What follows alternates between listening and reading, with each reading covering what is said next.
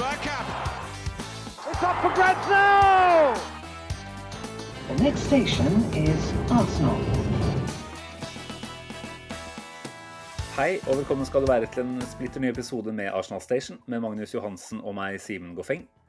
I likhet med en skjeggete og langhåret eh, myteomspunnet mann står poddens to herrer opp fra påskedalen, eh, denne gang et forsøk på å gjenopplive troen på topp fire. Heldigvis har vi i dagens episode også med et eh, gjesteinnslag som skal bidra med god stemning og innsikt i det som må sies å kunne være noen tunge dager for oss rødhvite.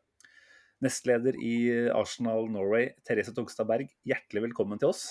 Tusen takk for det. En glede å være her.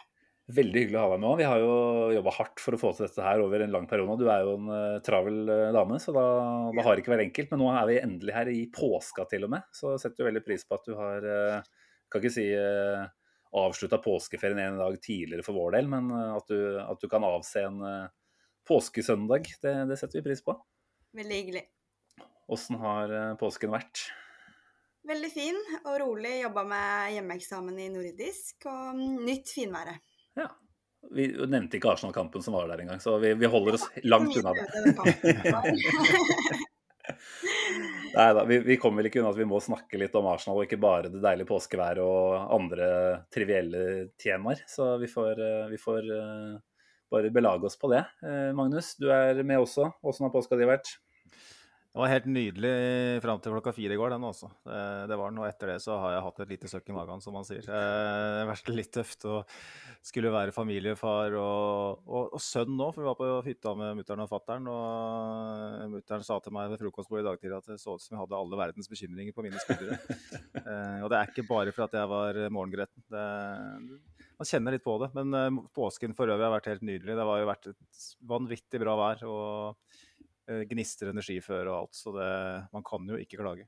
Kan jo egentlig ikke det. Nei, jeg også satt jo her på, på verandaen eh, på hytta til, eh, til samboers far. Og satt med IPA-en, litt potetgull og mobilen på med Arsenal-kamp. Tenkte at dette her må jo kun bety at det blir en ålreit ettermiddag med tre poeng. Det, det gjorde det dessverre ikke. Så foruten fotballen så har det vært noen fine dager. det har det. Eh, vi skal snakke mye om eh, fotballkampen som var, og for så vidt det som kommer framover også med Arsenal-øyene. Eh, men når vi nå har deg med, Therese, så er det jo på sin plass å starte med å prate litt om både din tilknytning til Arsenal og din rolle. Jo. Du er jo nå nestleder. Har vært det i hvor lang tid? Um, halvannet år. Det blir to år nå til høsten. Ja. Kult. Og det er jo en Så var jeg redaktør i um, Gunners Post. Ikke minst. Jeg hadde noen, noen, år der før jeg ble valgt inn som nestleder. Mm. Mm. Nei, det er en spennende si, hobby man har der. Jeg snakka litt med Ronny om det òg. Eh, det, det, krever jo mye, eh, det skal jo sies. Og det er jo verdt å gi honnør til dere som, som gir mye av, av fritida deres til, til, at den supporterklubben her skal ja, fungere så godt som mulig. Så må vi si at Det er samtidig veldig givende da, å få mm. møte mm. Snakke med mennesker fra hele Norge som er Arsenal-fan, som drar på kamper, som har genuin interesse for Arsenal. Og mm. Mm. Fått mange gode venner gjennom Arsenal-nettverket, da. Mm. Det kan vi jo bare skrive under på, Magnus, at uh, det er jo på disse her type uh, foraer hvor man er i felles uh, passiar, det er jo da det blir ekstra trivelig å være norsk Arsenal-supporter. Og I fjor eh, også, under, eh, under, koronaen, så var det faktisk 20 norske Arsenal-fans som gikk Besteggen, eh, sammen. Alle i Arsenal-drakt, og en som hadde laget sånn Gooners på tur på Beitostølen-T-skjorter som vi hadde på oss. Og da fikk vi litt oppmerksomhet uh, på tur. det er godt. Det er fint å representere på den måten også. Det så jeg òg på sosiale medier. og mm. Det er jo fristende å spørre liksom Snakker man bare om Arsenal da, eller da knytter man vel bånd utover det, antar jeg, når man har slike opplevelser sammen?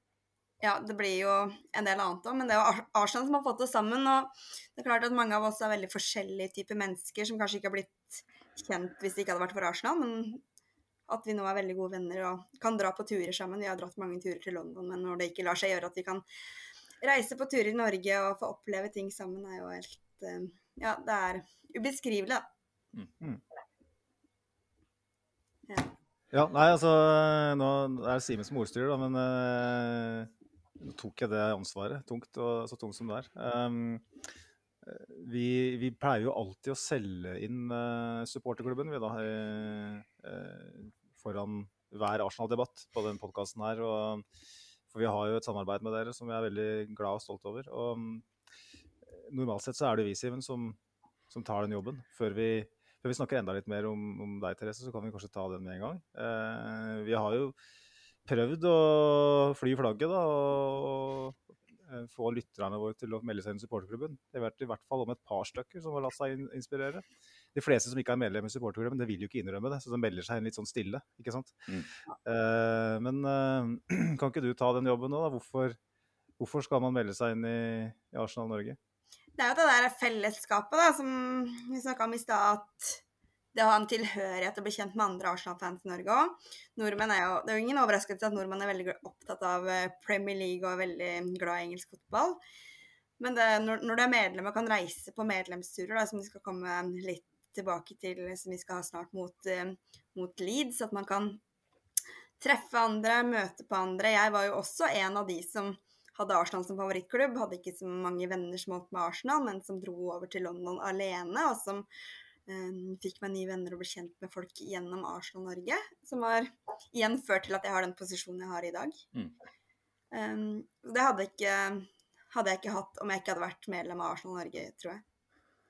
Mm. Nei, jeg tenker Det er jo særlig den tilhørigheten man går og kjenner på at betyr litt ekstra. Altså, mm. Selvfølgelig så er det jo man kniver jo med andre supporterklubber om å være størst, og ikke minst Tottenham, eh, som jo har relativt eh, likt nivå. Men eh, når alt kommer til alt, så handler det jo mer om å faktisk ha muligheten til å være med i de eh, turene og de samlingene som er, og, og knytte de bånda. Det er jo noe vi fikk kjenne på igjen nå da vi var over, Magnus, eh, for ikke så mange uker tilbake. At eh, det å, det å ha en sånn felles plattform da, hvor man har et utgangspunkt, da, da er det noe som kan, kan, bygges på og bli ganske trivelig. Eh, og det, det må jo bare si at den, eh, den, gjengen man alltid møter, om det er i London eller om det er arrangementer i, i Oslo eller andre steder i Norge, så, så er jo det en fantastisk eh, ålreit gjeng. Så det er bare, bare, gode ting å si om, om, de der. Og nå har jo du allerede avslørt at det er noe vi må prate litt om, Therese. Denne fellesturen, som jo står for tur om ikke så altfor mange uker.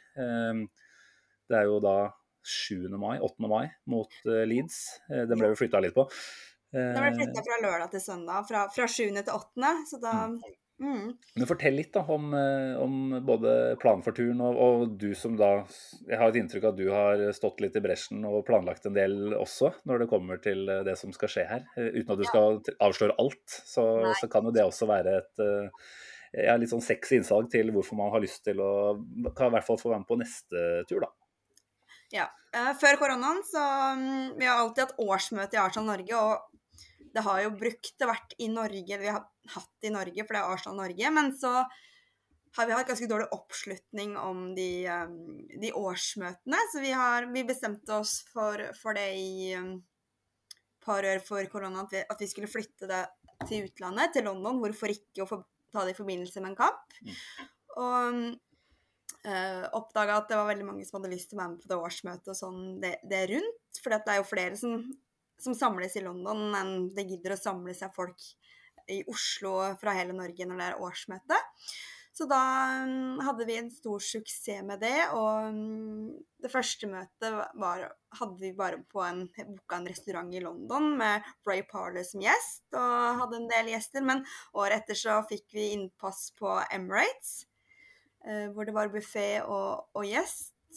Og mm, vi lyktes så godt at vi har hatt det to ganger på Emirates før, før pandemien kom. og det er klart at vi har medlemmer som bor i Finnmark, som, hvor det koster ekstra mye å reise til London f.eks., hvor de har, har, råd til å dra én tur i året, kontra ja, da, som i Oslo, som kan dra med fly uansett når på, på døgnet til en billig pris med Ryanair og sånn. Sånn at det å ha tilbud Eh, hvor du vet at du møter likesinnede Arsenal-fans, hvor, hvor, du kan ha ja, et, et, arrangement i tillegg til kampen å være med på, har, har vi fått veldig gode tilbakemeldinger på. Og ja, det er trivelig, eller vi opplever at mange setter pris på, på det, da. Um, Og da har vi hatt også på, på årsmøter tidligere så har vi hatt en del barn som har vært med, vi har hatt aktivitet for barna. En litt sånn quiz, og så har han godeste Gunnersaurus vært med som gjest. Han er jo populær blant, blant barn. Og så har vi hatt eh, det forrige møtet, så hadde vi Per Merte Sakker som gjest. Og da, Det er litt sånn fint å kunne spise middag på Emirates og kunne eh, stå litt på tribunen der og se på. Se, på, se ned på banen, at barna kan, ha, kan kose seg, at voksne kan drikke øl. Og ja, nyte godt selskap og bli kjent med hverandre. og Det sier jo litt om den eh, jobben dere har gjort, da. Altså når dere nå, for tredje året blir det jo, eh, da får eh, returnere til Emirates. Altså da har man jo opparbeidet seg et stadig tettere samarbeid med klubben også, har jeg inntrykk av. Det, altså den, den relasjonen som har blitt bygd der, da er det noe dere i, i ledelsen opplever at ja, stadig blir, blir noe å bygge videre på? Ja, absolutt. Og Norge har jo Skandinavias største supporterklubb i antall medlemmer. Sånn at vi burde absolutt ha en del å si når, det kommer til klubben. Og mm. de er veldig behjelpelige på, på å låne bort eh, rom som vi kan bruke til årsmøte. og Opplever det som et godt, godt, samarbeid og fint å ha noen å snakke med i klubben og, litt, og få litt bekjentskaper der. Mm. Og De setter også veldig pris på at Emirates blir brukt, for det er en flott stadion og, som kan brukes til, til, akkurat sånne ting. Mm. Jeg var jo så heldig å være med forrige gang. Eh, I ja. 2019 var det vel, når Per Mertesaker var der.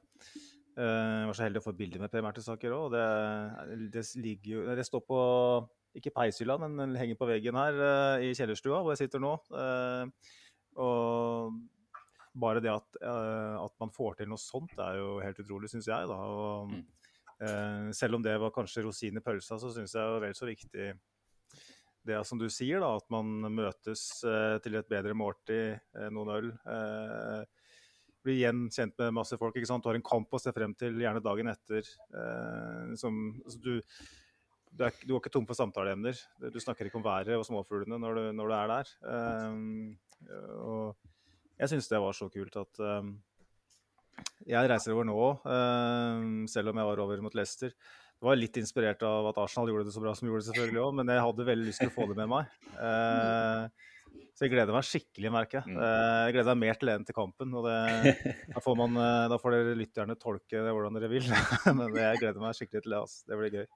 Ja, og jeg misunner dere begge at dere skal dit. Eh, jeg at jeg skulle, skulle, gjerne både tatt meg tid og råd, men det, det, ble det ikke mulighet til denne gangen. Men som du sier, Magnus, uansett om det har gått litt på tverke de siste ukene nå, så, så er jo det en sånn type samling man ser fram imot, uavhengig av det. Så mm. for alle som eh, måtte lytte på poden og, og, skal ture over, så er det bare å, å, glede seg. Jeg vet ikke om du kan avsløre noe, Therese. Er det sånn at man har, eh, har klart å jobbe inn en, et gjesteinnslag eh, her denne gangen også, eller? Ja, det blir en gjest av et eller annet slag, men hvem er ikke helt spikra ennå. Vi sier ikke mer. Nei. Men det må også sies og poengteres at dette er jo ikke en årsmøtetur. Det er bare en tur for medlemmene, så det blir en årsmøtetur også i London eh, til høsten. Mm -hmm. Nye muligheter. Ja. Nå hadde vi veldig veldig stor pågang på, på, på kampbilletten på Leeds. Selvfølgelig, Nå har det vært to år med korona og mange som ikke har vært i London. I, samtidig med at Arsenal har spilt veldig bra, bortsett fra de to siste kampene, så hadde vi rekordmange søkere om billettene, nesten. Mm. Så det har vært veldig veldig gøy, da. Og at supporterklubben får en opptur, og mange som har meldt seg inn. og Mange mm. kamp, så det er veldig gøy. Ja, veldig gøy. Kjempegøy å høre, faktisk. Eh, bare sånn kort om deg også. Eh, du har jo vært Arsenal-fan i en del år. Eh, hvordan det, jo, det er obligatorisk. Hvordan endte du opp eh, på den røde siden av Nord-London? Ja, nå er jeg veld, veldig glad i Frankrike, da, som mange andre, andre Arsenal-fans. Og i 98, da Frankrike vant VM, så var, var, det mange av de spillerne som hadde tilknytning til Arsenal. Og ble glad i Wenger, og det endte jo med at jeg studerte fransk på universitetet og ble fransklærer. Ja. Wow. Oi. Mm -hmm. Det er rått. Og... Ja, jeg hadde jo drøm om å møte Thierry Henry da, for å få intervjue han, men Jeg har møtt uh, Guendouzi for eksempel, et par ganger og fått, fått snakka fransk med han da han var i klubben. Og... Så det har ikke vært forgjeves. Nei, det er jo helt rått. Henry er jo i live, så det Jeg skulle si blir- det, det er jo blir ikke lettere, det blir lettere og lettere, tipper jeg, Ja, med åra. Ja. Det bør være muligheter der. Ja. Gjesteinnslag. Et eller annet uh, årsmøte framover i tid, det. ja, det blir tidenes årsmøte. Da kan du, da kan du angre hardt, Simen, hvis han uh, tropper opp på Emirates nå mot, foran Leeds-kampen. Da håper jeg du holder igjen der. Så skal jeg fly over samme kveld, da, hvis du, hvis du sier ifra. Jeg har jo oppkalt bikkja mi etter uh, Thierry Henry, så det er, det er noe forkjærlighet der fra, fra min side også. Nei, men uh, veldig ålreit. Er det noen andre supporterklubbrelaterte emner vi burde være innom her nå, Magnus, før vi dykker litt inn i, i det som er aktuelt i dag? Nei, med mindre Therese har noe på hjertet som har lyst til å si. Vi er jo som nevnt eh, i et samarbeid der, så det, det er absolutt rom for det. Men personlig så føler jeg at vi har solgt inn uh, supporterklubben uh, hver eneste episode. Og Mm. de, de frynsegodene De er kjent for de fleste som hører på. Eh, og det skal vi gjenta fremover. Så hvis ikke Therese har noe hun har lyst til å si, så kjører vi på med Jeg, jeg kan jo nevne én ting, da. Siden jeg Ja. spurte, så kan jeg jo svare meg sjøl. Det er jo noe vi har tatt opp eh, i hvert fall to episoder, så det er jo for så vidt ikke noe nytt. Men det skal jo sies da igjen at eh, Ole Kristin Holter, som har vært billettansvarlig i supporterklubben nå i ja, en mannsalder, nesten. Veldig mange ledere av Arsenal Norway, og så har han vært billettansvarlig. Veldig stort verv. Ja. Han har eh, jo hatt denne kjempeoppgaven over en periode, og, og gir jo den videre nå. Jeg vet ikke om det er noe man eh, kanskje kan få noen til å troppe fram i, i dette, eh, denne fellesturen og si at denne har jeg lyst til å ta over. Så det er jo en oppfordring til de som eventuelt måtte høre på, som tenker at eh, man har lyst til å, å gjøre en god gjerning, for det er jo det det er. Det er Eh, givende jobb, og så har det jo blitt litt lettere da med elektronisk system. Først måtte jo Ole sende ut billettene fysisk til de som skulle ha den, mens nå går det digitalt.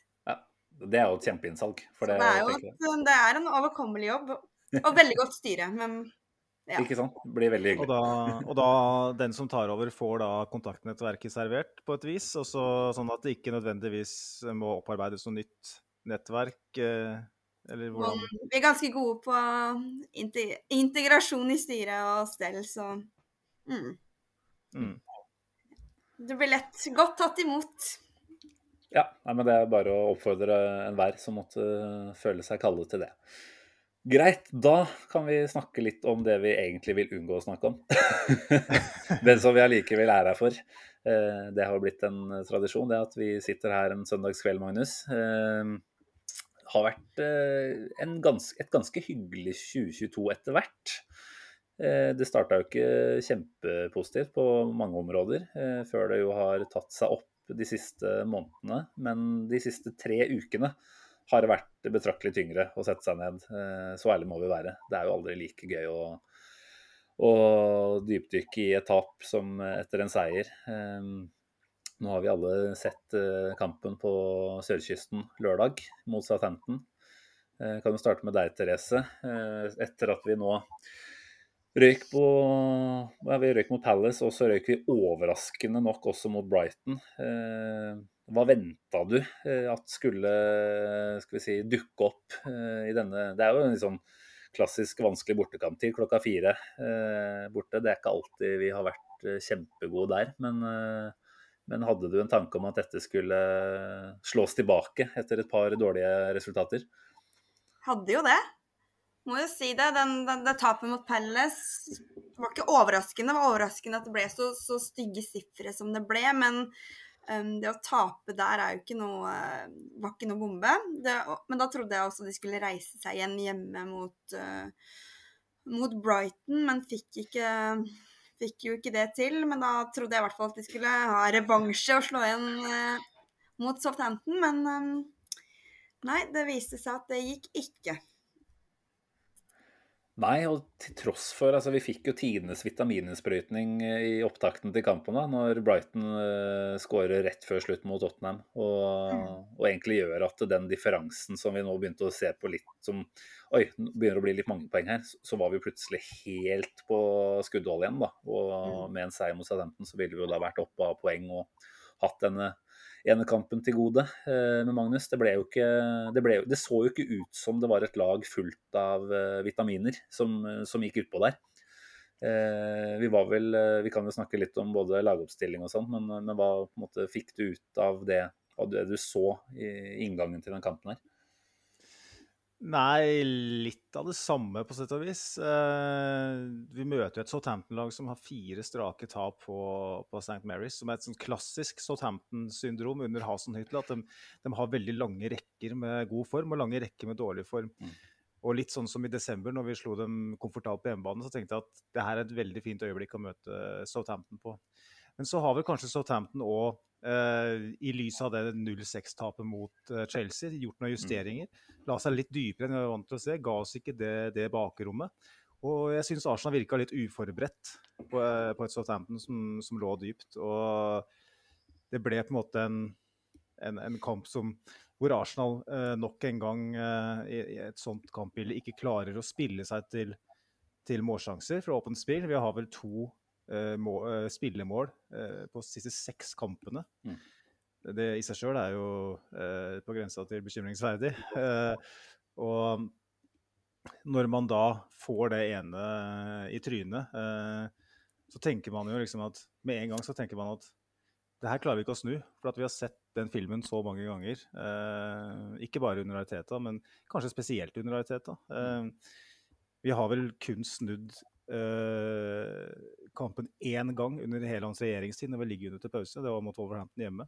Uh, det var et, et, uh, en deflected skudd blir på overtid, som, så det er et mønster her. da. Mm. og når Southampton får det da, så føler jeg liksom at da får de bare fortsette med, med, å ligge dypt, enda dypere. Setter inn flere spillere som kan, kan ligge og blokke, og vi har egentlig ikke noe svar. og jeg tror ikke hun har spilt til uh, påske neste år uten å skåre. Så, sånn føltes det iallfall. Selv om det var selvfølgelig uh, noen sjanser der som mm. Fraser Forster redder fint og sånn, så er det de som på en måte sitter og unnskylder med XG og alt sånt, tenker at det er en grunn til at Arsenal får lov til å dominere kampen nå, da. For at Southampton skårer jo da uh, i første omgang. samme mot Brighton, de skårer først. Palace skårer først. De, den det overtaket Arsenal får i alle de tre, de tre kampene, er jo fordi at det er et, en underlegen motstander som får en ledelse. Da er det helt naturlig at de legger seg dypt. Og jeg syns Arsenal har igjen, det, når vi snakker om kampbildet, er direkte tannløse eh, mm. mot dype blokker. og det, man er helt avhengig av å skåre først, da, og det, det er et problem. Var du like pessimistisk, eh, Therese, når du så at Benarek eh, golla rett før pause der? Tenkte du også at her er det vanskelig å finne noen vei tilbake, eller eh, satt du med en tanke om at her kan vi allikevel snu det? Nei, jeg er jo egentlig optimistisk, men du har sett den der stanginga til Arsenal mm. over så lang tid at Nei, du bare blir frustrert. Er nesten så du har lyst til å skru av TV-en, fordi at det er ikke det er ikke kreativt nok, det går ikke fort nok. Det er liksom Det er tannløst, kan mm. man si. Ja. Mm. For det, Du nevnte jo XG, Magnus. Det er jo noe vi har prata oss egentlig litt lei av. Kanskje. Eh, vi, vi, ender jo opp med en høyere XG i den kampen her òg. Men det er jo ikke fordi vi spiller oss fram til noen kjempesjanser. Altså, det er jo denne til saka tidlig som jo er et resultat av en dårlig tversoverpasning i Southamptons forsvarsledd. Og så er det vel denne ganske, god nei, ganske gode sjansen til Smith-Roe, hvor han bommer på ballen nesten og får et sånn mm. halsslapt skudd. Men med unntak av det, så er det jo ikke de store sjansene. Så er det jo mer en sånn Det at vi har en høyere XG, er jo mer en kulminasjon av sånne halvdårlige skuddforsøk som vi bare tar fordi vi ikke klarer å spille oss inn. Og det er jo bekymringsverdig. At vi er såpass langt unna da, å spille oss til ordentlig gode målsjanser. Eh, og i stor grad ser ut til å være avhengig av ja, at enkeltspillere gjør noe ekstraordinært. Da. Eh, Lincoln Saka Ødegaard eh, så vi jo noen prover på også denne kampen her, uten at det ble de absolutt store sjansene av det. Men jeg tenker jo at ja, det er verdt å nevne at Ødegaard også hadde kapteinspinn i den kampen her, forresten første gang fra, fra, start at han leda Arsenal. Eh, Gledelig, da. Ja, det må vi jo si. Hvis man tar med seg noe positivt fra kampen, så må det være det. Men det er også det at Arsenal ja, ja, og i tråd med Unnskyld. Nei, jeg syns det var veldig kjedelig av Arsenal å ikke um, holde 0-0 til pause. At de måtte slippe inn, inn inn et mål rett før pause. For dette er jo en stor forskjell å få en kalddusj rett før pause enn det å stå på nuller når kampen kunne ha levd litt mer. Mm. Men jeg tenker jo Det er jo en ung gjeng med spillere vi har her. Eh, vi, vi, vi, er jo veldig kritiske, eller mange av oss er kritiske til, eh, til eh, mangelen på giftighet og sånt. Men altså må vi også huske på at dette er en stor gjeng med spillere som er ganske i startgropa av karrieren fortsatt, da, og som både vil svinge, og som kanskje i enda større grad enn mer rutinerte spillere vil slite når de får trøkker som dette her, altså, og får det første målet imot. Eh, hvor mye på en måte kan vi avskrive på den der generelle kontoen for litt, litt unge spillere, rett og slett? da? Det jeg syns er litt synd, da, var at i starten av, av, sesongen her, så var det veldig mange som, som, sa akkurat det at ja, men vi må jo gi dem tid, og de er så mm. unge, og, og sånn. Og, ut, og, laget har jo vokst utover sesongen, og ingen hadde jo tro på en Eller selvfølgelig, det er jo alltid noen som har tro på topp fire, men det var jo veldig mange som så den der litt fram. Det var liksom første steg det å komme tilbake til Europa igjen, og så kan vi ta steget opp til topp fire. Men når, nå når det har vært en realitet så lenge, gjør det jo enda mer skuffende at mm. man får en dupp nå, da, og ikke eh, tidligere i, i år. Mm. Jeg tror det er derfor at folk er litt sånn skuffa, for at nå har man begynt å tenke den tanken om topp fire. Mm. Ja, det er jo et vondt tema nesten å gå inn på, men dette med supporterskaren som jo nå fra å ha vært uh, nesten som et uh, stort lim, altså det har vært en så harmoni i, i supportergruppa. da, uh, altså både på stadion og, og, på sosiale medier, som vi også frekventerer og ser at uh, det har vært god stemning, så, så, har man jo nå et inntrykk av at det, det allerede begynner å, å, gnisse litt. da. Jeg vet ikke, Magnus, om du har noe å bidra med inn i, i synet på, på ja, hva slags eh, fan man bør være i en tid som dette her. Altså, vi har hatt en Eh, lang sesong preget av oppturer og nedturer. Eh, at vi nå går tre kamper uten tap, tenker du at det er Nei, vi går tre kamper uten seier med tap. Tenker du at det er grunn nok til å tillate at det blir giftig igjen, eller er det egentlig bare altfor utålmodig fra de som begynner å rope, rope høyt nå? Altså Bare for å ta det først, altså, sånn jeg forsto det fra Sivert Eriksen, som er uh, vår mann på bakken i England, for så vidt, som var på Southampton i går. han påstår at det var bortimot slåssing på borteseksjonen. Og det er jævla trist å høre etter at vi har vært så unisone som vi har vært den sesongen her, som vi ikke har vært på så vanvittig lenge.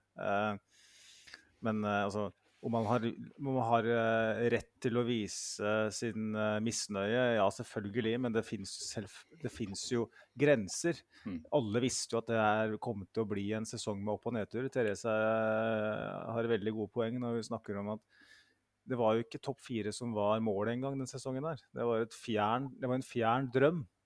og når vi da står i en situasjon hvor det er mer sannsynlig enn nesten ikke eh, på et tidspunkt. Så, så, skapes det noen forventninger. Men det er som Teta også sier, at det, det, er jo opp til, opp til dem å, å,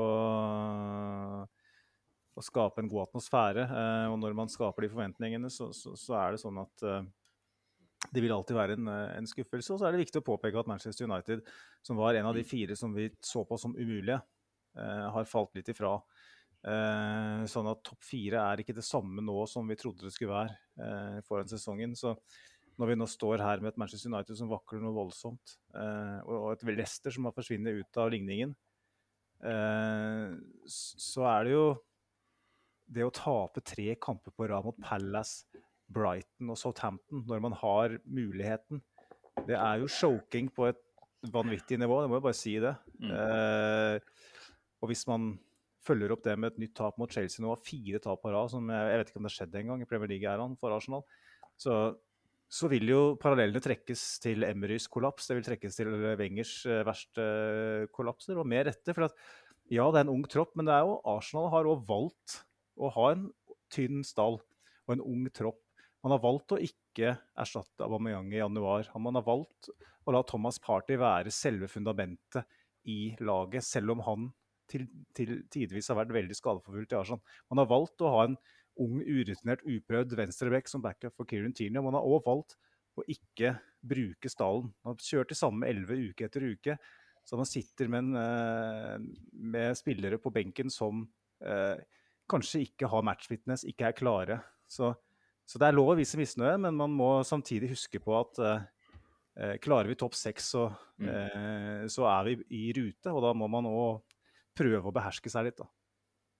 Det høres lurt ut. Det er jo en oppfordring til de som eventuelt står på tribuna og ender opp med å havne i slåsskamp. Det er jo helt tullete at man skal måtte løse uenigheter på den måten der. Og det er selvfølgelig det er mye følelser inne i bildet her, men at det kommer til uttrykk på den måten der, det, det minner jo dessverre litt om de oppløpstiden til, til Wenger, hvor det var uh, veldig steile fronter. Eh, og det er jo for så vidt godt at det er mange som fortsatt er der at de, eh, i hvert fall underveis i kampen og i sesongen, tenker at her er det kun å støtte laget som vil gi eh, størst eh, positivt resultat. At det er jo ikke eh, noen ting som vil være til hjelp ved dette giftige som man nå begynner å se antydningen til. Altså, for alle som på en måte Ja, dere skal over til Leeds. Dere får bare sørge for at det er positive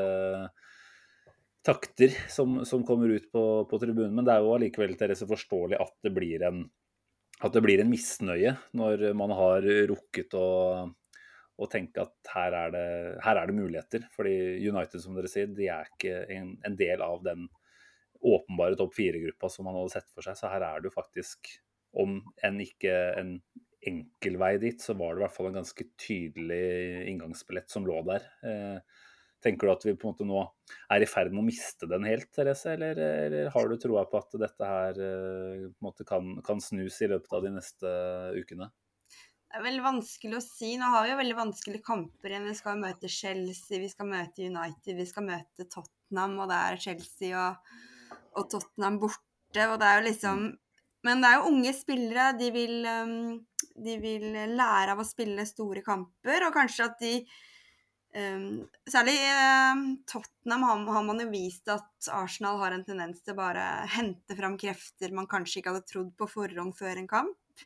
Fordi at det er en såpass viktig kamp for, for spillerne. Mm. Men når man snakker om også misnøye mot laget, det som gleder meg litt, er å se at det er en positiv harmoni i laget. Selv om man har tapt, så ser man bilder fra treningsfeltet som blir lagt ut på Instagram og sosiale medier om at, om at det er en sammensveisa gjeng på trening, om at de har hverandre, de støtter hverandre og støtter treneren. og Arteta ble akkurat kåra til året, eller til månedens manager igjen. Han har fått den prisen to ganger denne sesongen. sånn at mm. det er jo ikke helsvart, det vil jeg jo ikke si. Mm. Og det er liksom Så lenge laget oppfører seg som et lag, og det ikke er uenigheter og, og at det blir krangling innad, og det virker det som det ikke mm. er ja, og Det er jo kjempeviktig poeng. og det du minner deg om, at Det er jo tross alt ikke helsvart, ikke i nærheten engang.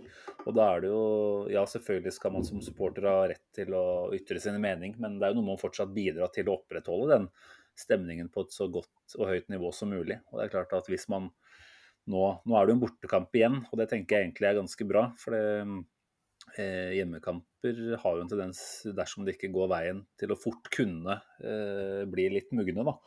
Så jeg mm. håper jo virkelig nå at man uh, får en Jeg tror ikke det er så veldig mange som forventer at man skal vinne bort mot Chelsea, men at man får en OK opplevelse der. Og at man går inn til den United-kampen til helgen med, med, en sånn ja, litt alle bak laget igjen. Jeg syns at vi, vi, vi, fikk ikke det mot Brighton. Da vi trengte det. Det hadde vi snakka om i, i forkant, Magnus. At i den kampen der så trenger man et Emirates som er 100 bak eh, for å gi dem den ekstra boosten. da.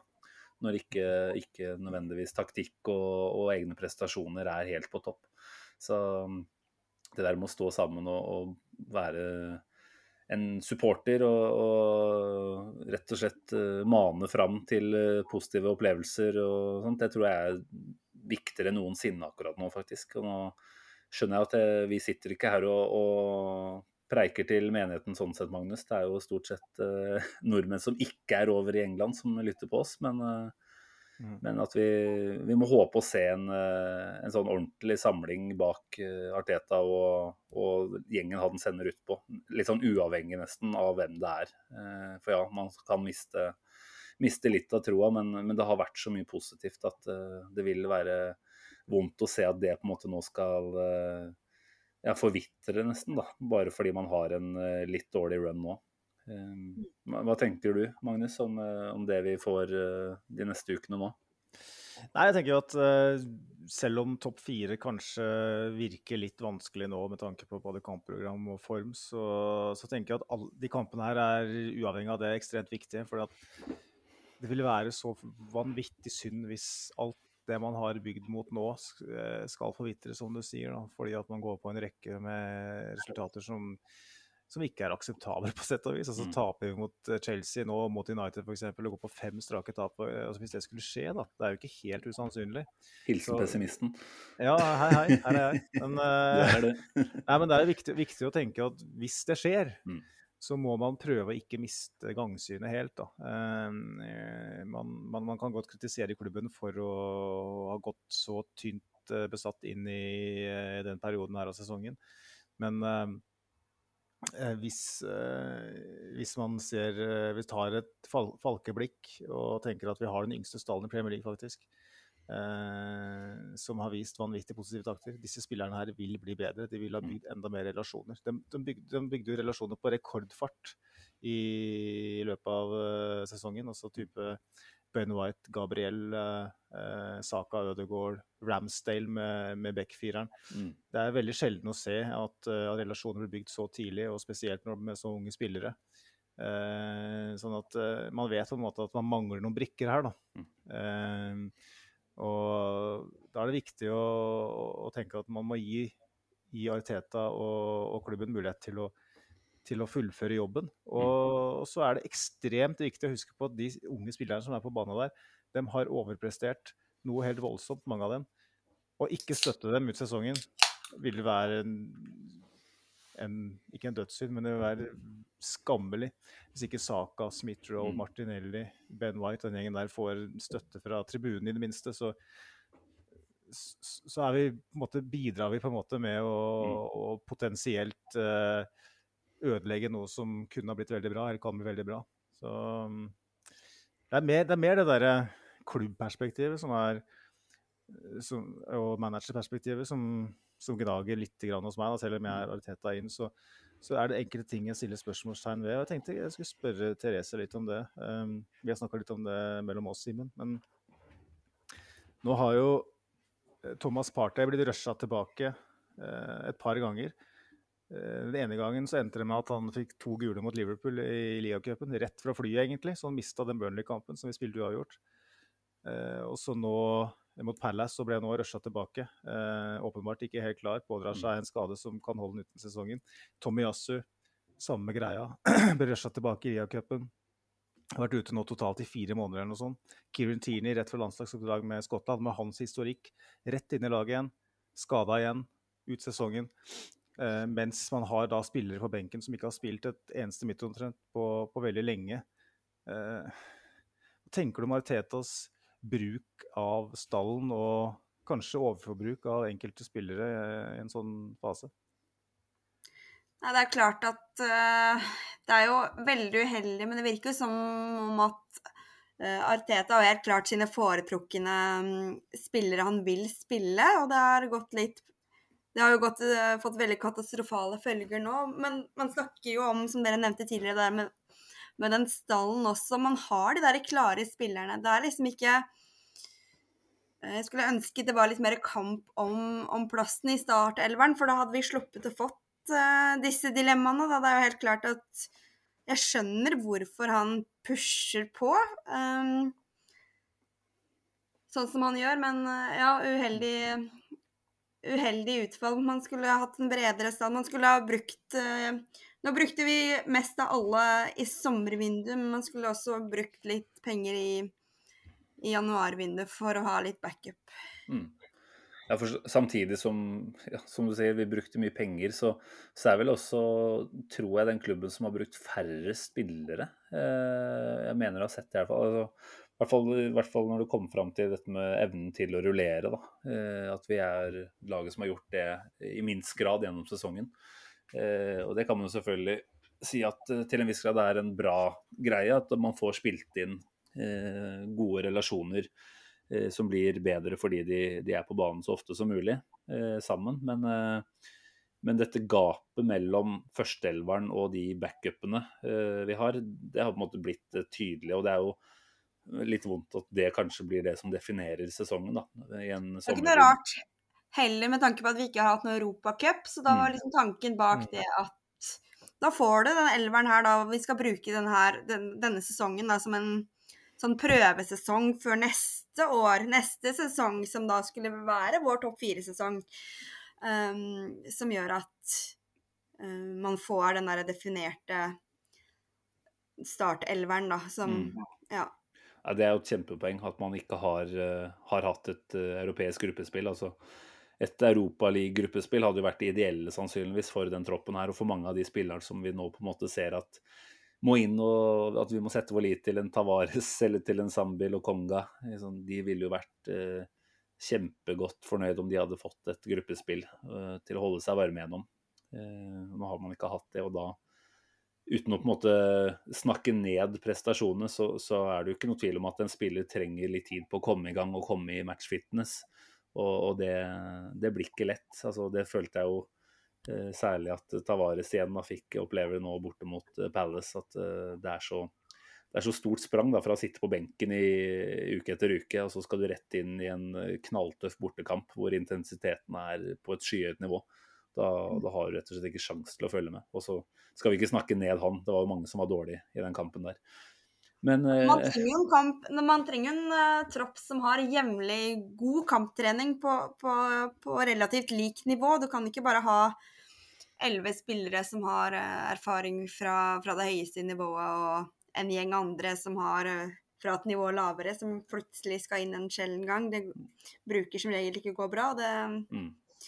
Det, Syns du det rett og slett er litt naivt av Arteta å på en måte være så tro mot de absolutte førstevalgene sine at han tenker at her kan man eh, klare å komme seg gjennom? Altså En sesong består av skader. Det er vel ikke Selv når det er Arsenal-fan? Ja, særlig da.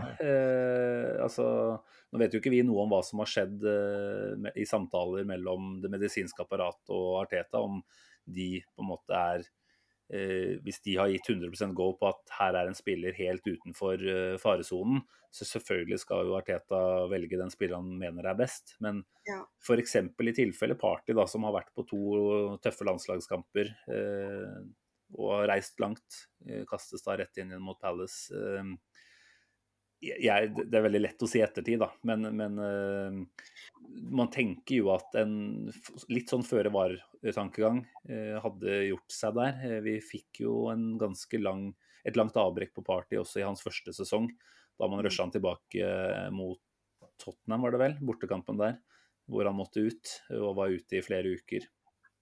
tenker du at Arteta det er, det er jo helt umulig å svare på, for så vidt. Men, men blir det litt eh, for eh, hensynsløst, da, rett og slett, å bare kjøre på med de han mener er de beste spillerne, litt sånn uten å se på hva som kanskje ligger av eh, ja, farer for skader i bakgrunnen, da?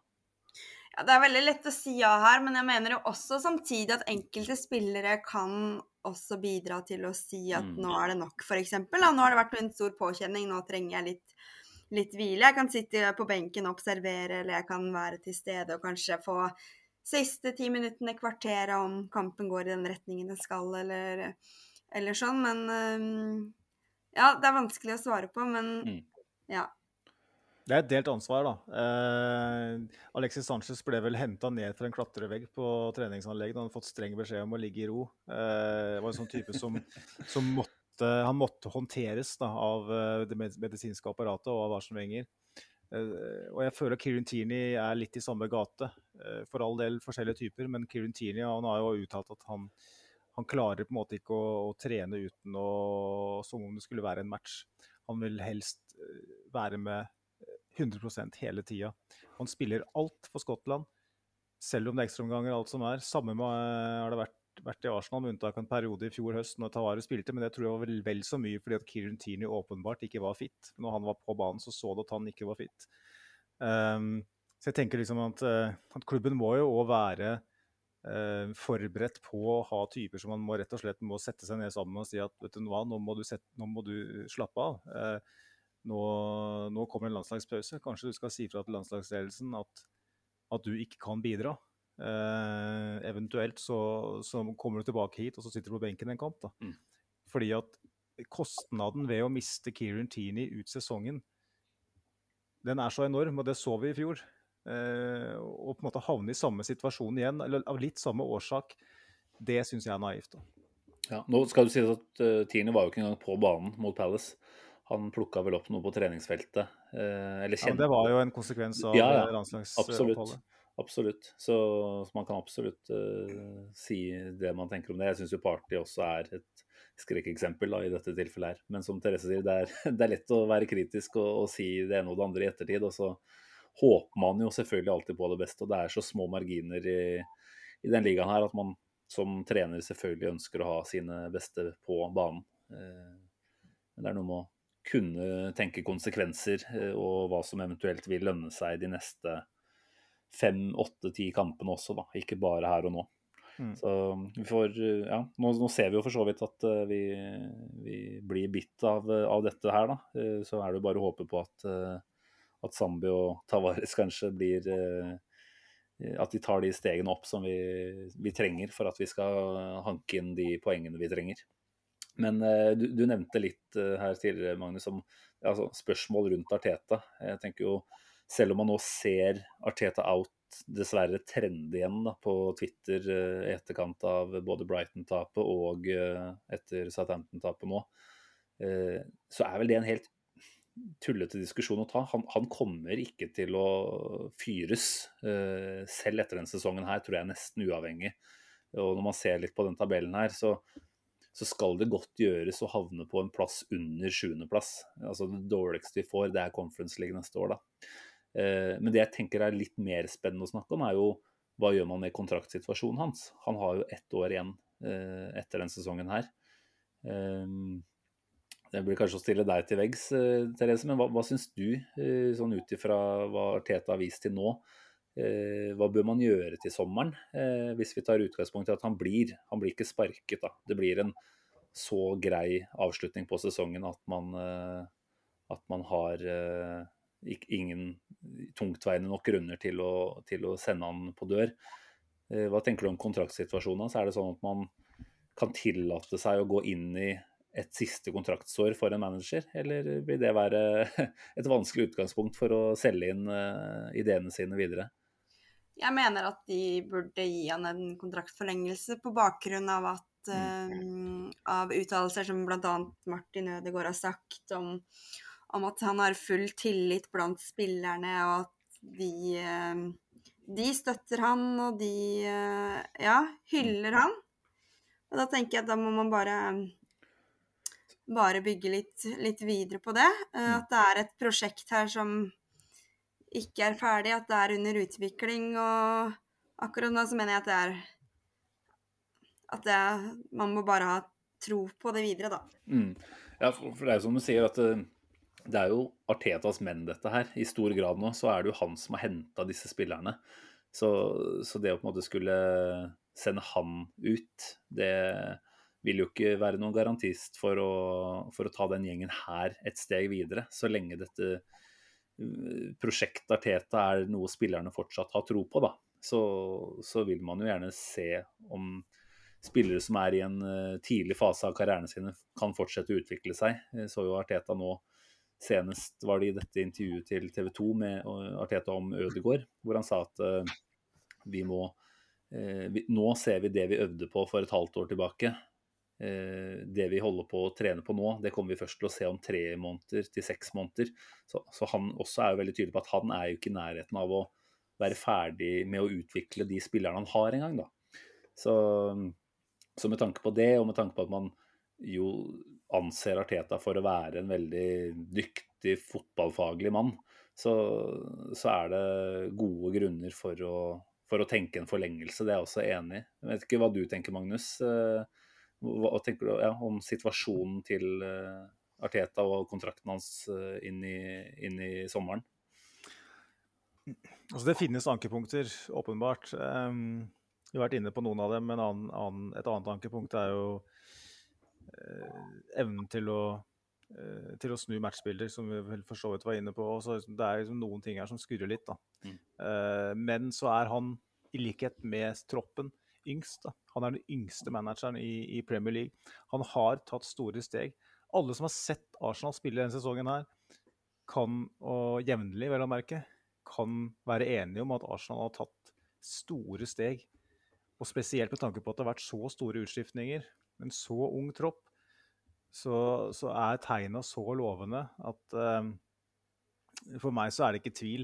Mm. Arteta er den eneste i Arsenal-organisasjonen per nå som jeg tenker at her har vi en vi virkelig kan sette vår lit til. Mm. Uh, har, vi har vært bekymra i den poden her for at uh, apparatet rundt den er for, for dårlig, og den, den vedvarer til dels. Um, jeg er ikke overbevist om Edu, jeg er ikke overbevist om, om eierne, på, på, ingen måte. Men Arteta har fått så mye ansvar tidlig fordi at han åpenbart er en som går inn og tar det ansvaret, og som åpenbart er den ene fyren som, som trives med det ansvaret. Eh, så å ikke gi han ny kontrakt nå, med, mindre vi taper alle kampene som gjenstår av sesongen, tenker jeg nesten er galskap. fordi det er en fyr som er interessant for Barcelona, eh, eh Paris Saint-Germain, eh, flere store klubber som, som han har en en tilknytning til. Mm. Nå gjør Xavi det bra i Barcelona akkurat nå, men Arteta er en fyr som er attraktiv allerede. Mm. hvor mye, vi har veldig mye å tape på å, å ikke gi den kontrakten, og ganske lite å vinne på å ikke gjøre det, tenker jeg. Og man kan jo tenke at uh, Jeg har jo sett på Arsenal-forum, og folk begynner å snakke om Emery gjør det så godt i, i Spania og sånn. Ja, Emery er en god trener, men han passa ikke inn i Arsenal. Og det, det, ble jo noe uoverenskommelse med spillere. Nå har jo ikke alt kommet på banen, men, um, men sånn, ikke sant. Man vet jo aldri hva man får. uh, får med trenere. De kan ha så gode navn som, som bare mulig, men det er ikke gitt at de passer inn. Og jeg føler absolutt at Arsenal eh, og mm, Arteta passer som så godt som det kan gjøres. Og de har mm. noe å bygge videre på. og jeg er enig i det resonnementet som begge dere har når det gjelder um, Arteta. Mm. Emery-poenget er jo veldig godt. Da. Det er jo sånn klassisk uh, etterpåklokskap. og må huske på at Emery faktisk ligger på sjuendeplass i ligaen med Villarreal. Han er en cupmanager. Passa ikke Arsenal i det hele tatt. Nei. Og i tillegg så fikk han, klarte han åpenbart ikke å overbevise de folka rundt seg om at han var den mannen som skulle få det, det ansvaret heller. fordi at han fikk jo aldri eh, Sine spillere? Til, nei, altså, han ønska Steven Nsonsi eh, og Wilfried Saha, eh, og fikk eh, Lucas Torreira og Nicolas Pepe, som på en måte Altså, Det er ikke mulig å gjøre det annerledes. da. Du har en, uh, det det, det vitner om at, at Emery kom inn i Arsenal uten evne til å overbevise omgivelsene om at han var rett mann. Uh, Arteta har åpenbart uh, gjort det. Så jeg synes, Det er et viktig poeng, faktisk, det Therese kom med her. at man skal, må være rett mann på rett plass og til rett tid. Det, det, holder ikke å ha et navn og ha gjort noe tidligere i en annen klubb. Det, hvis man er feil mann, så er man feil mann, uavhengig om man heter Pep Guardiola eller Sean Dyche. Mm. Ja, til og med Sean Dyche måtte jo se kroken på døra her. Det syns vi kanskje er litt ålreit, egentlig. Selv om ikke vi unner noen å få sparken, selvfølgelig.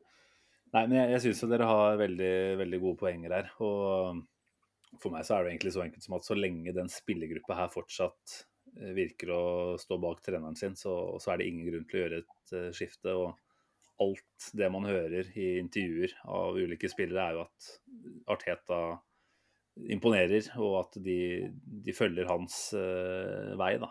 Og jeg tenker at det, det er det som betyr noe. Så, så får man jo akseptere at det er noen eh, mangler fortsatt hos Arteta. Det skulle bare mangle. Han er som du sier, Magnus, den yngste treneren i ligaen. Eh, vi får jo tro at han er eh, reflektert nok til å, til å etter hvert kanskje velge litt annerledes i ulike scenarioer. Og så er det jo ikke minst det å faktisk få en en spiss da, som kan skåre disse målene som, som vi jo så sårt trenger. Altså, jeg så en, en tweet her nå. Det var en sånn XG1 da, om at Arsenal de siste, de siste fem kampene hadde vel en forventa XG på opp mot sju og har skåra to.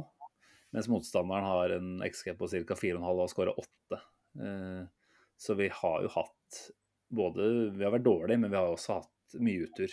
Og at det da på en måte kommer nå mot slutten av sesongen, det gjør jo at det er lettere å, å snakke om choking, som du sier, Magnus. Men, men eh, det er jo også En gang iblant da, så, så er det bare sånne helt uh, uh, klassiske utskudd fra alle statistikker som, som går imot i, i, samme periode. Og da, da blir det veldig stygt. Og så handler det om å nå om å nå snu det. Jeg tenker Nå må vi, prøve å snu denne poden til å være litt troende framover mot hva som skal skje i sesongavslutningen, Therese. Så hvorfor tenker du at uh, sesongen nå på en måte snur til det mer positive igjen, da? I en periode hvor vi jo skal møte vanskelige motstandere. Chelsea, United.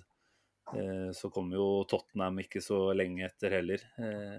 Hva, liksom ser du at det er tegn på at dette skal gå så bra som vi jo alle ønsker? Jeg tror mye har med humør og innstilling å gjøre. Kanskje det, eh, det å møte Chelsea, det å møte United, det å møte Tottenham at, at, det er litt sånn større lag enn det vi har møtt til nå. At nå har de kniven på strupen og kan snu det her til noe positivt. Og um, håper at det er det som At det kan være motivasjon nok da, til, å, til å stå sammen og hanke sammen poeng.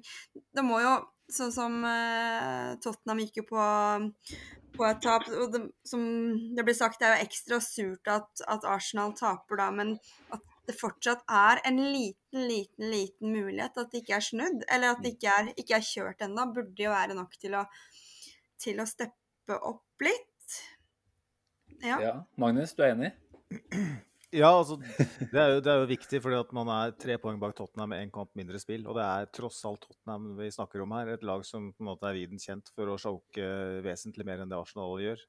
Uh, og har, de som har sett Tottenham spille, sier jo at uh, det handler jo om to, kanskje tre spillere offensivt som, som gjør at de klarer å, å, vinne de kampene de gjør. Da. Hvis det skulle komme en skade eller to på de, så, så er det ekstremt viktig at vi er i posisjon. Da. For at Manchester United de har veldig vanskelig innspurt. Mm. Westham har Europaliga, og det er vanskelig for å se at de skal klare det. Så hvis Tottenham eh, skulle ta en Tottenham så, så, tenker jeg at da, da, må jo Arsenal i alle fall sørge for at vi er i posisjon. da. Mm få med oss fire poeng nå mot Chelsea og United. da. Få med et uavgjort mot på brua og en hjemmeseier mot United. Kanskje Tottenham avgir poeng i en kamp du ikke forventer at de skal mm. gjøre det. Så reiser vi kanskje til eh, glasstoalettet, som jeg liker å kalle det, eh, med en sjanse til å, å, å snu det i, i, i vårt favør. Eh, så jeg tenker at selv om jeg personlig er noen delvis resignert, så, mm så må jo, så må iallfall de på treningsfeltet sørge for at, at, det er liv i sesongen, for det er det jo. Altså, som noen skriver på Twitter, som er veldig sånn ut av kontekst, da. Det er veldig viktig å si det. Men hvis du hadde sagt i august at vi med sju kamper igjen ligger tre poeng på fjerdeplass med én kamp mindre spilt, så hadde vi bitt av dem begge hendene, begge armene og huet. Mm. Så vi er i en mm. posisjon til å klare det. Eh, så vi kan ikke gi opp. Men eh, jeg tenker sjansen for det er liten. Men eh, vi har en sjanse, og da må man gi 100 og ja, 100% er det meste man kan, man kan gi.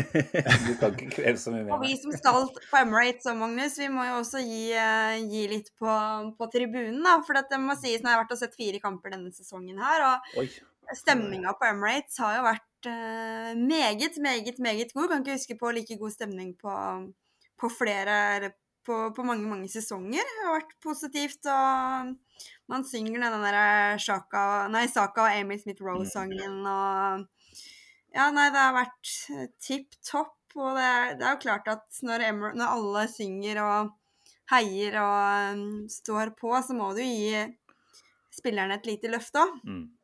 Jeg tenker altså, Det der selvtillitsaspektet er vel noe som man stadig vekk kommer tilbake til. og Det er jo på en måte lett å si at ah, selvtillit er fotballspillere, de skal bare ut og gjøre jobben sin uansett. Men det der å, å, spille med en sånn frihet og, og løssluppenhet, det er jo så viktig. Og den selvtilliten har jo åpenbart fått seg et uh, skudd for baugen. Og da, da, tenker jeg det er den beste medisinen, da. Hvis du ser at supporterne fortsatt backer det 100 og, og, og fortsetter å stynge og støtte, så tror jeg også den selvtilliten kommer raskere tilbake på den måten. Så nei, dere får gjøre jobben deres, selv om det skal jo selvfølgelig da spilles noen kamper før denne Leeds-kampen. Så vi får håpe at de som er Du får uh, snakke med Sivert, uh, Magnus, og be han om å pushe på noen uh, knapper med, med, de han treffer på i London. Det er ingen fare, i hvert fall.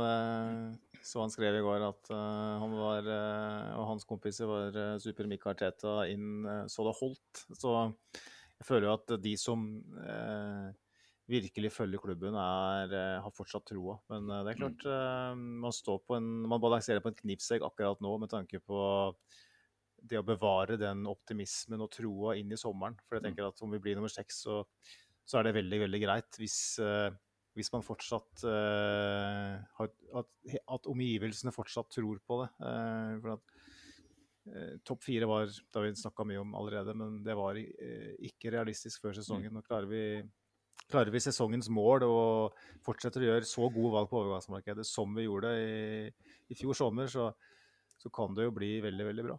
Ja, nei, vi, vi, kan faktisk ikke glemme det. Og, altså En sesong er lang og endrer seg utover hva du på en måte realistisk sett kan tro på. Men uh, det er noe med at man møter motstandere på ulike tidspunkt òg, og tilfeldighetene rår gjennom sesongen. Uh, og nå hadde vi en, en, downer igjen denne gangen. Uh, så får vi tro at vi, vi, kommer oss opp igjen. Jeg håper at nå har vi hatt to sånne trekamperssekvenser med tap på rappen. Eh, det er vel faktisk første gang i Premier League-æraen eh, at Arsenal har hatt det.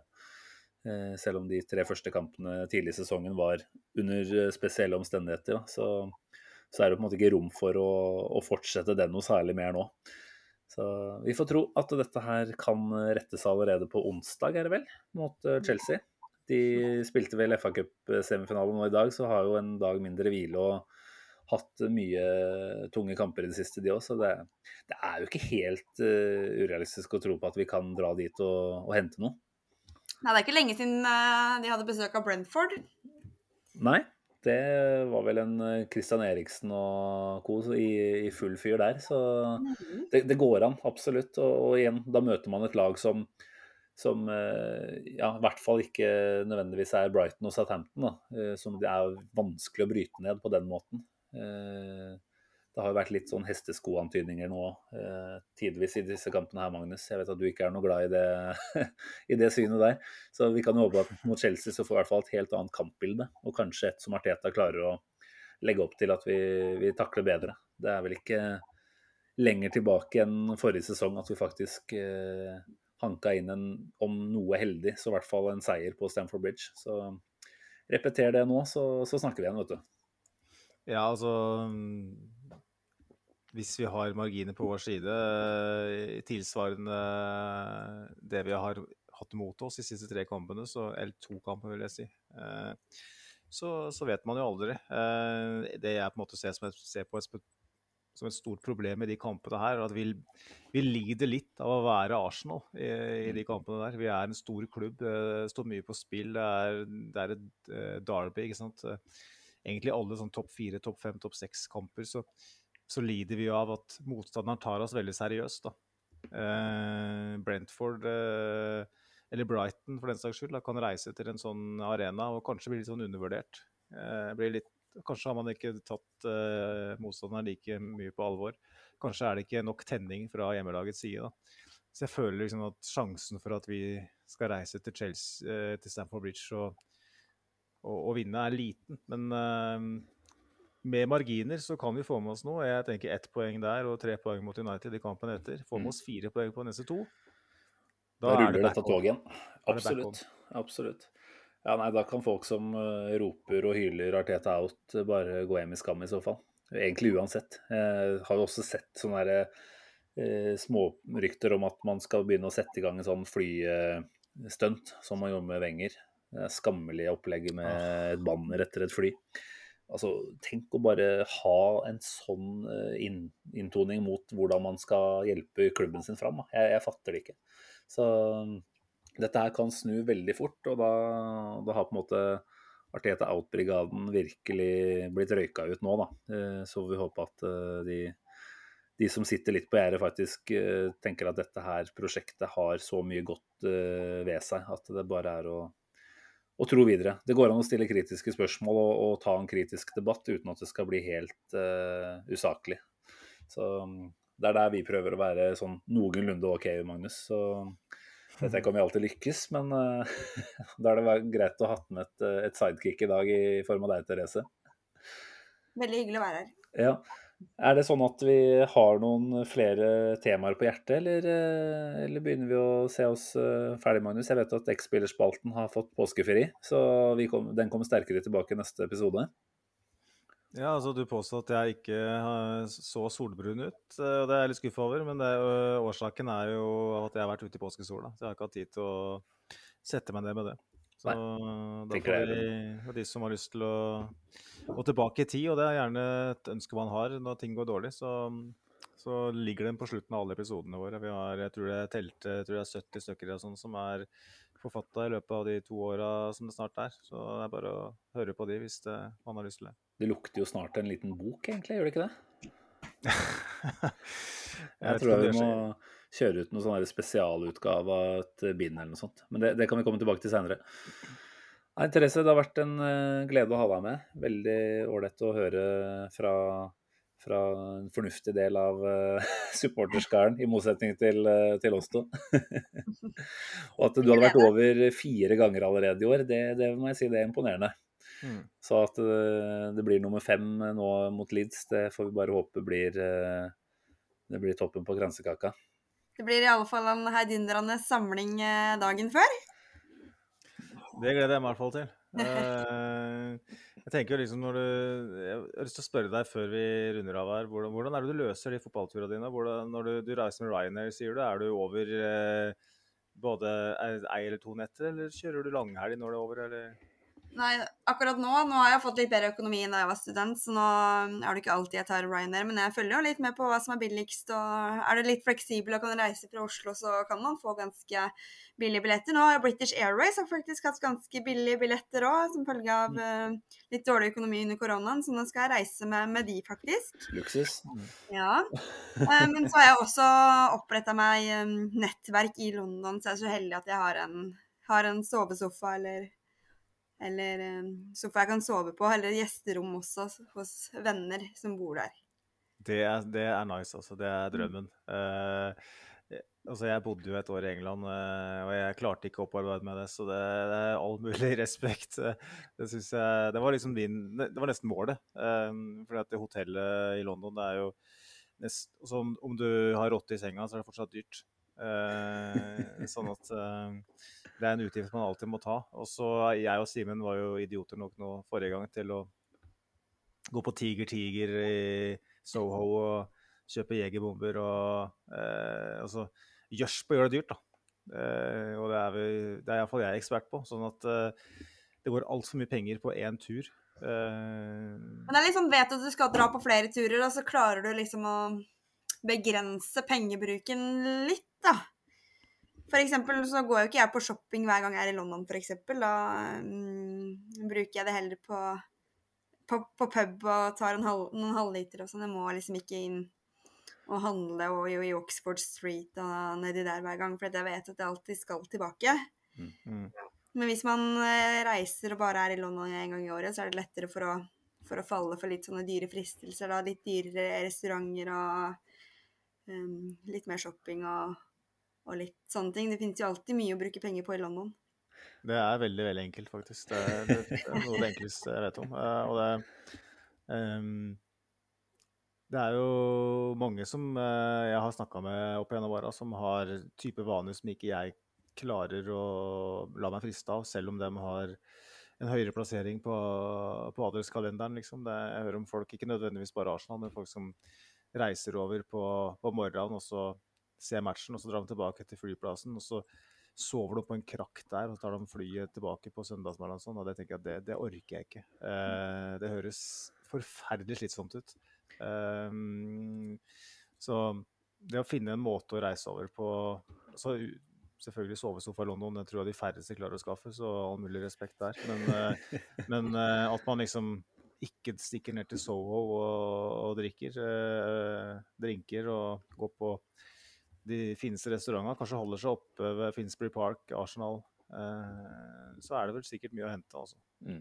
Nei, Du kommer i hvert fall aldri til å havne på den sovesofaen, eh, Magnus. Det kan jeg garantere deg. Med, med relativt høy promille og dertil høy sangstemme på vei inn døra eh, etter en tur ut. Og, og cheeseburger på senga, så er jo ikke du drømmegjesten. Det må vi jo kan- kunne være ærlige å si. Jeg kan by på en cheeseburger hvis det, hvis det holder. Ja, nei, men Therese, du får ha en riktig god eh, avslutning på sesongen. Og lykke til med Du driver og skriver oppgave, sa du, så du får lykke til med innspurten på den også. Tusen takk, og takk for å, igjen for å være gjest. Det var hyggelig, og det kan jo hende at du blir spurt ved en senere anledning. Få, få oppsummeringen av denne, denne nydelige medlemsturen, eller om det blir opptakten til neste år- sesongs årsmøte. Så, så snakkes vi forhåpentligvis igjen i forbindelse med det. Ja. Ja, men Takk for det. Takk for laget, Magnus. Takk for eh, at du som lytter tar deg tid til det. Det setter vi veldig stor pris på. Og så sier vi bare på gjenhør om ikke så altfor lenge. Ha det bra. Ha det. Ha det. Hei.